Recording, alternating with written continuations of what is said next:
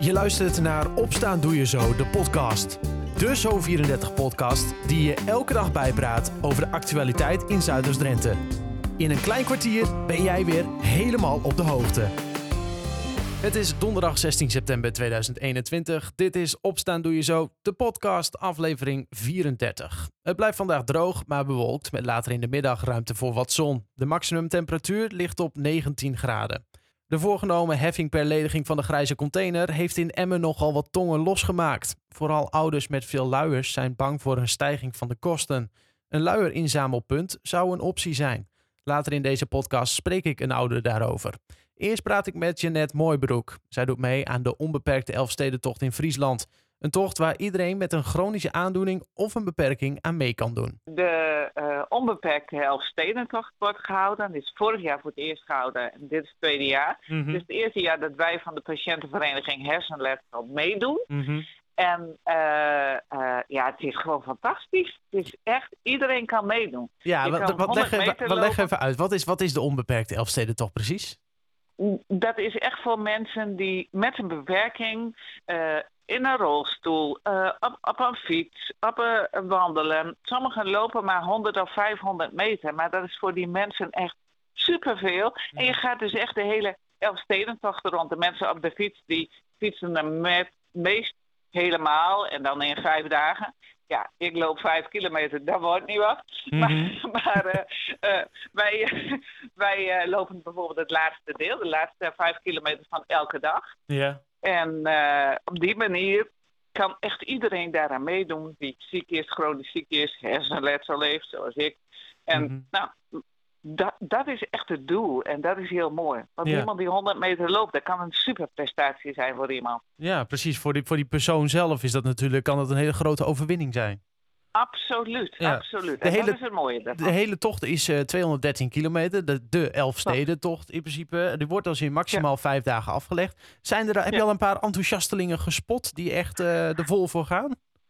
Ja, zeker, zeker, zeker. We hebben hier, die zijn ook al weg hoor. Die, die, die maar in ons huisje, uh, ik heb samen met Jos al meer interviews gegeven. En Jos, uh, die uh, fietst al ergens, denk ik, of die is nog net in de taxi van het ene punt naar het andere punt. Want ja, yeah. de steden zijn best ver uit elkaar. Dus het, het uh, weer ophalen van je auto of je laten terugbrengen. En dat is allemaal geregeld gelukkig door de organisatie. Oh ja, maar uh, ja, de fi meeste fietsers doen echt uh, de hele tocht. Ja, zijn, ja. ja, vind het hartstikke leuk. Ja, je zei het net zelf al even, jij hebt hersenletsel. Kun je daar wat, wat over vertellen? Ja, ik heb uh, in 2009 een beroerte gehad, een hersenbloeding. Mm -hmm. Ik was rechts helemaal verlamd en ik kon niet meer praten. En uh, uh, nou ja, zoals je hoort, kan ik weer praten. Ja. Ik ben ook niet voor tien. En ik ben ook niet meer verlamd, maar ik heb nog wel ja, dingen in je hoofd. En als je mijn, mijn lichaam doormidden zou doen met een rest, voelde rechts toch heel anders dan links. Yeah. Dus uh, ja, en, en veel lawaai aan je hoofd, heel veel drukte en zo. Dat is allemaal veel ingewikkelder. Maar uh, ja, je kan erin blijven hangen. En je mm. kan denken van, uh, we maken wat leuks van, leuks van het leven wat we nu hebben. Yeah. Nou, en daar ben ik van. Ja, maar Jeanette, mag ik, ja, ik heb er niet zoveel verstand voor, want ik ben geen arts of zo. Maar mag ik zeggen dat je dan, denk ik, volgens mij best wel geluk hebt gehad? Uh, aan de ene kant mag je dat zeggen. Ik vind dat ik dat alleen maar zelf mag zeggen. Ja. En waarom? Nou ja, weet je, tuurlijk heb ik geluk gehad. Daar ben ik mee eens. Maar ik had liever niet gehad. Dan nee, had jij nee, dat nee, zeker niet. Nee, hebben. absoluut. Nee, zeker. Laten we dat even voorop stellen. Maar uh, nee. ja, nou ja, je hoort ook verhalen dat je er veel minder van afkomt. Dat klopt, ik ken ik ook. Ik ben zelf uh, voorzitter van de regio Noord van de patiëntenvereniging hersenletsel.nl. En uh, ja, er zijn ook mensen die er echt veel slechter uitkomen. Het ligt er maar aan wat voor een groot uh, stuk er in je hersen af is afgesloten door een infarct. Of mm -hmm. hoeveel bloed er in je hoofd is gelopen door ja. een bloeding. En uh, ja, daar moet je mee dealen. Daar moet je heel hard voor werken in het begin. En ja. op een gegeven moment dan weet je, nou, dit is het. Ja, precies. Uh, je zegt al, je bent de voorzitter van de Stichting Patiëntenzorg Hersenletsel. Wat is dat voor, uh, voor een stichting?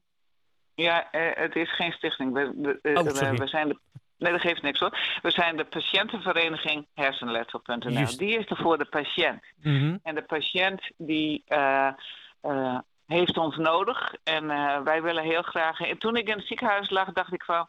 Als ik hier niet beter uitkom als dit, dan is er maar één ding wat ik wil doen: mensen met hersenletsel de hand reiken dat er nog een leven is na een beroerte. En, en dat is een beetje wat we doen. We organiseren lotgenotengroepen in Groningen, Friesland en Drenthe. We, ja, we organiseren eh, altijd een kerstbijeenkomst. We doen ook hele leuke dingen. Maar die lotgenotengroepen zijn belangrijk. Mensen kunnen heel veel van elkaar leren. Ja, zijn er, zijn er dan ook veel mensen die, nu, die je vanuit daaruit uh, kent of die dan nu aan deze Elfstedentocht meedoen? Nou ja, niet, die, de, de mensen die meedoen, die ken ik allemaal vanuit, vanuit onze regio. Yeah. Maar um, ja, de, ik heb wel nieuwe vrienden ontmoet. Mhm. Want hoe gek het misschien ook klinkt, meestal heb je een probleem als je, uh, als ik bijvoorbeeld uh, bij jou op bezoek zou komen morgen om tien uur en Jeanette is ineens heel moe en jij bent gezond en dan belt Jeanette af omdat ze moe is. Yeah. Dat vinden mensen heel ingewikkeld. Mensen mhm. met hersenletsel, die hebben bijna allemaal dat probleem. Die zeggen, oh ja joh, dat is goed, dan maken we een andere afspraak. Ja, precies. En dat begrip, dat wil je ook graag van gezonde mensen. En dat is soms heel moeilijk. En dat begrijp ik heel goed hoor. Laat, laat dat uh, voorop staan. Want ooit ben ik ook gezond geweest. En ik denk dat ik dan ook gedacht had van... Ja, ja. Ja, precies. Ja, ja, ja, je, kent beide kanten van de medaille, zeg maar. Ja, ja, ja, zeker. Dus dat... Ja. En, uh, maar, maar dat maakt het denk ik ook voor jou nog steeds heel erg fijn dat je, nou ja, lotgenoten, je hebt ze, wat ik zeg, ja, het liefst blijft iedereen gewoon gezond. Maar dat ze er zijn, maakt elkaar wel weer sterker, denk ik. Ja, zeker, zeker, zeker. Mensen, echt waar. Ik leid zelf twee lotgenotengroepen. Mhm. En, en uh, voor mensen tot 65, we maken wel een beetje verschil in leeftijd uh, uh, binnen onze vereniging, maar iedereen heeft wel groepen.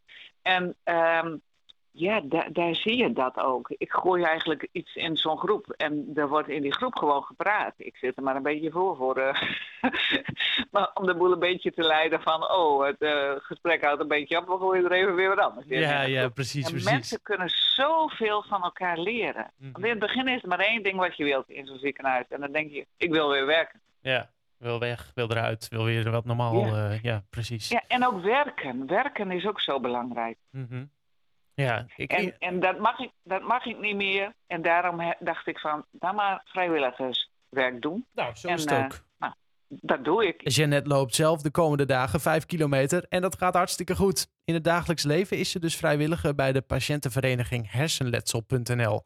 Daar is ze voorzitter en voor vragen kun je haar altijd bereiken. Zometeen spreek ik met Jesper Vasen. Hij is vader van twee kinderen die beide nog in de luiers zitten. Ik praat zo met hem over wat de heffing op de grijze container voor zijn gezin kan betekenen. Eerst het laatste nieuws uit Zuidoost-Drenthe.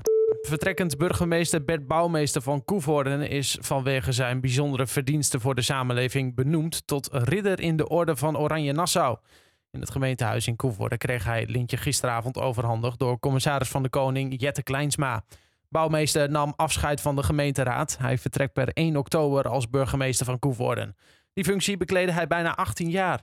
Volgens Kleinsma heeft Bouwmeester in zijn tijd als burgemeester een indrukwekkende lijst met bestuursfuncties vervuld, vooral gericht op verbinding in de grensregio.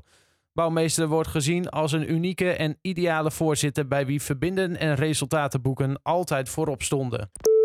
De broeklanden tussen Oosterhesselen en Sleen wordt een gebied voor weidevogels en een waterberging. Die aanpassingen komen uit de hoed van de boeren die er grond hebben. In 2014 stapte een groep boeren naar het waterschap om iets te doen tegen de wateroverlast. Die eerste stap leidt tot een compleet programma, waardoor na jaren van overleg 300 hectare grond wordt omgebouwd tot natuurgebied. Hoe dat eruit ziet en wat precies gaat gebeuren, lees je op zo34.nl. En in de gemeente Koevoorde gaat er gekeken worden naar de mogelijkheden om de afvalinzameling aan te passen. Zo wordt er gekeken naar de optie voor betaling per keer dat de restafvalcontainer geleegd wordt, voor een aparte inzameling van luiers en een aanpassing van de Milieustraat. Het zijn allemaal stappen op een routekaart die is voorgelegd aan de gemeenteraad. Met deze routekaart is het de bedoeling dat er in 2024 jaarlijks maximaal 100 kilo restafval per inwoner ingezameld wordt. Afvalscheiding is volgens de gemeente de manier om dit te bereiken. Voor meer nieuws uit de regio kun je altijd kijken op zo34.nl of in de app. Daar kon je ook lezen over de heffing die de gemeente Emmen wil invoeren op de lediging van de grijze container. 7 euro per keer. Dat maakte nogal wat tongen los in Zuidoost-Drenthe, maar vooral ook bij bezorgde jonge ouders die nogal wat restafval hebben in de vorm van luiers. Ik praat erover met Jesper Vazen, zelf vader van twee jonge kinderen. Uh, toen dacht ik, ik heb drie extra containers nodig. ja, want leg me even uit. Want uh, jij uh, bent vader van, van twee. Je bent sinds de zomer um, papa. En je had ook al een dochter, hè? Die is inmiddels twee? Ja, die is twee. Die zit ook nog in de luiers. dus, dus voor de duidelijkheid, je hebt twee kinderen met luiers. Ja, ja, ja. um, leg me even uit, want uh, schets even de situatie. Want uh, dat is uh, voornamelijk het punt waar het om gaat. Want luiers, dat zijn nogal misschien wel de dingen die het meest verdwijnen in de grijze containers. Ja, ja in ieder geval bij ons in huis hier. Hè, je, hebt, je moet nagaan, je hebt twee kinderen. Nou, dat zijn 10 plus luiers op een dag. in twee weken zijn dat dus 150 luiers. Nou, als je 150 volle luiers in een container gooit, nou, dan zit je al bijna op de helft. Mm en, en dat is dan in twee weken. Ja, ja. Want, want nu op dit moment uh, wordt de grijze container bij jullie één keer in de twee weken geleegd. In de drie weken. In de drie weken. Dus, uh, dus ja. hij zit ramvol. Ja, hij zit ramvol, ja, zeker. Oké, oké, oké. Dus, dus met andere woorden, ja, die grijze container die moet sowieso bij jullie aan de weg, één keer in de drie weken. Uh, nou wordt daar dan vanaf januari 7 euro voor gevraagd. Wat zou dat voor jullie betekenen? Uh, nou ja, als je, als je dat in eh, geld moet omzetten, dan, dan betekent dat dus... eigenlijk moet je de container één keer in de twee weken lezen... in plaats van één keer in de drie weken met zoveel luiers, hè? Ja. Uh, en, en dan zit je dus op 14 euro per maand. Nou, dat is dus een 160 euro ongeveer per jaar ja. erbij. Dat, dat is wel meer dan dat je nu, zeg maar. Dus je gaat stijgen. Ja, ja, ja. zeker. Ja. ja. Ik, ik ga ervan uit dat je daar niet heel gelukkig mee bent. Nee, nou goed, nee. Uh, het is, uh, kijk, je kunt het ophoesten, hè. Dat, en dat is, uh, het is extra geld. Alleen, ik kan me ook voorstellen als je alleen moeder bent of alleen vader bent... en je hebt kinderen die in de luiers zitten... dan gaat je dit extra kosten opleveren die je misschien ja, er niet bij kunt gebruiken. Nee, er komt nog eens bij dat als je, stel je hebt wel natuurlijk één keer minder en je kunt het misschien wat langer ermee doen, dan de geur die uit de grijze container komt, die is ook niet heel prettig, denk ik. Nee, nee, nee. En de vlieger die het, uh, die het aantrekt ook niet hoor. Nee. Kijk, het is handig als je bezoek wilt ontvangen dat wat je niet zo leuk vindt. Dan zet je hem gewoon voor je deur neer. Maar uh, ja, nee. Ik kan me voorstellen dat, uh, dat dat niet de oplossing is. ja, nee, wat je zegt, de geur is ook niet, nee. is ook niet fijn. Nou wordt er gesproken over een speciaal luierinzamelpunt. Ja, dat kan op allerlei ja. verschillende manieren. Zou dat een, voor jullie in ieder geval iets zijn waarvan je zegt van nou, dat, dat, daar zien we wel wat in? Ja, dat zou echt wel uh, een oplossing zijn. Voor ja. ons in ieder geval. Maar ja. zijn er dan ook ja. bepaalde voordelen die je, of uh, voorwaarden die je daar bijvoorbeeld aan, aan zou willen stellen? Want nou ja, als jij bijvoorbeeld vijf kilometer moet gaan rijden met je, met je poepluiers, kan ik me ook voorstellen dat je dat niet heel leuk vindt. Nou ja, met ramen open scheelt het misschien wat. Maar ja. nee, ze hoeven, ze hoeven van mij part niet op te halen bij huis of zo. Een, een afleverpunt zou ook prima zijn. Mm -hmm. Kijk, en als je drie afleverpunten hebt in, de, in, in Emmen en omstreken... of in de gemeente Emmen of vier afleverpunten... nou, dan zit je al binnen de vijf kilometer. Ja, en dat is voor uh, jou dus, voldoende? Ja, ja, zeker. Ja, ja. ja want, absoluut. Want, want even zonder de, de luiers in de container... hoe ziet je de inhoud van de container er dan bij jullie uit?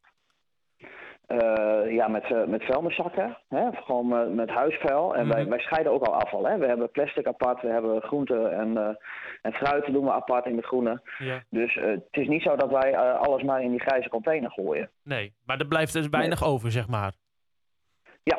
Ja, ja het is voornaam, zeker, voornamelijk op dit moment luiers in, in de grijze container. Ja, ja, ja. en, en, en dat is voorbij, van voorbijgaande aard. Hè? Dus het is tijdelijk en dat maakt het misschien wat draaglijker. Mhm. Mm -hmm. Alleen voor nu is het, ja, je, je zit wel... Uh, met, met 300 uh, luiers uh, per maand. Collega Rien sprak met meerdere ouders en de gemeente over dit onderwerp. Zij laten weten dat het onderwerp besproken wordt binnen de gemeenteraad. Het hele artikel daarover kun je terugvinden op zo34.nl of in de app. Tot zover Opstaan Doe Je Zo, de podcast van donderdag 16 september 2021. Een fijne dag en tot morgen.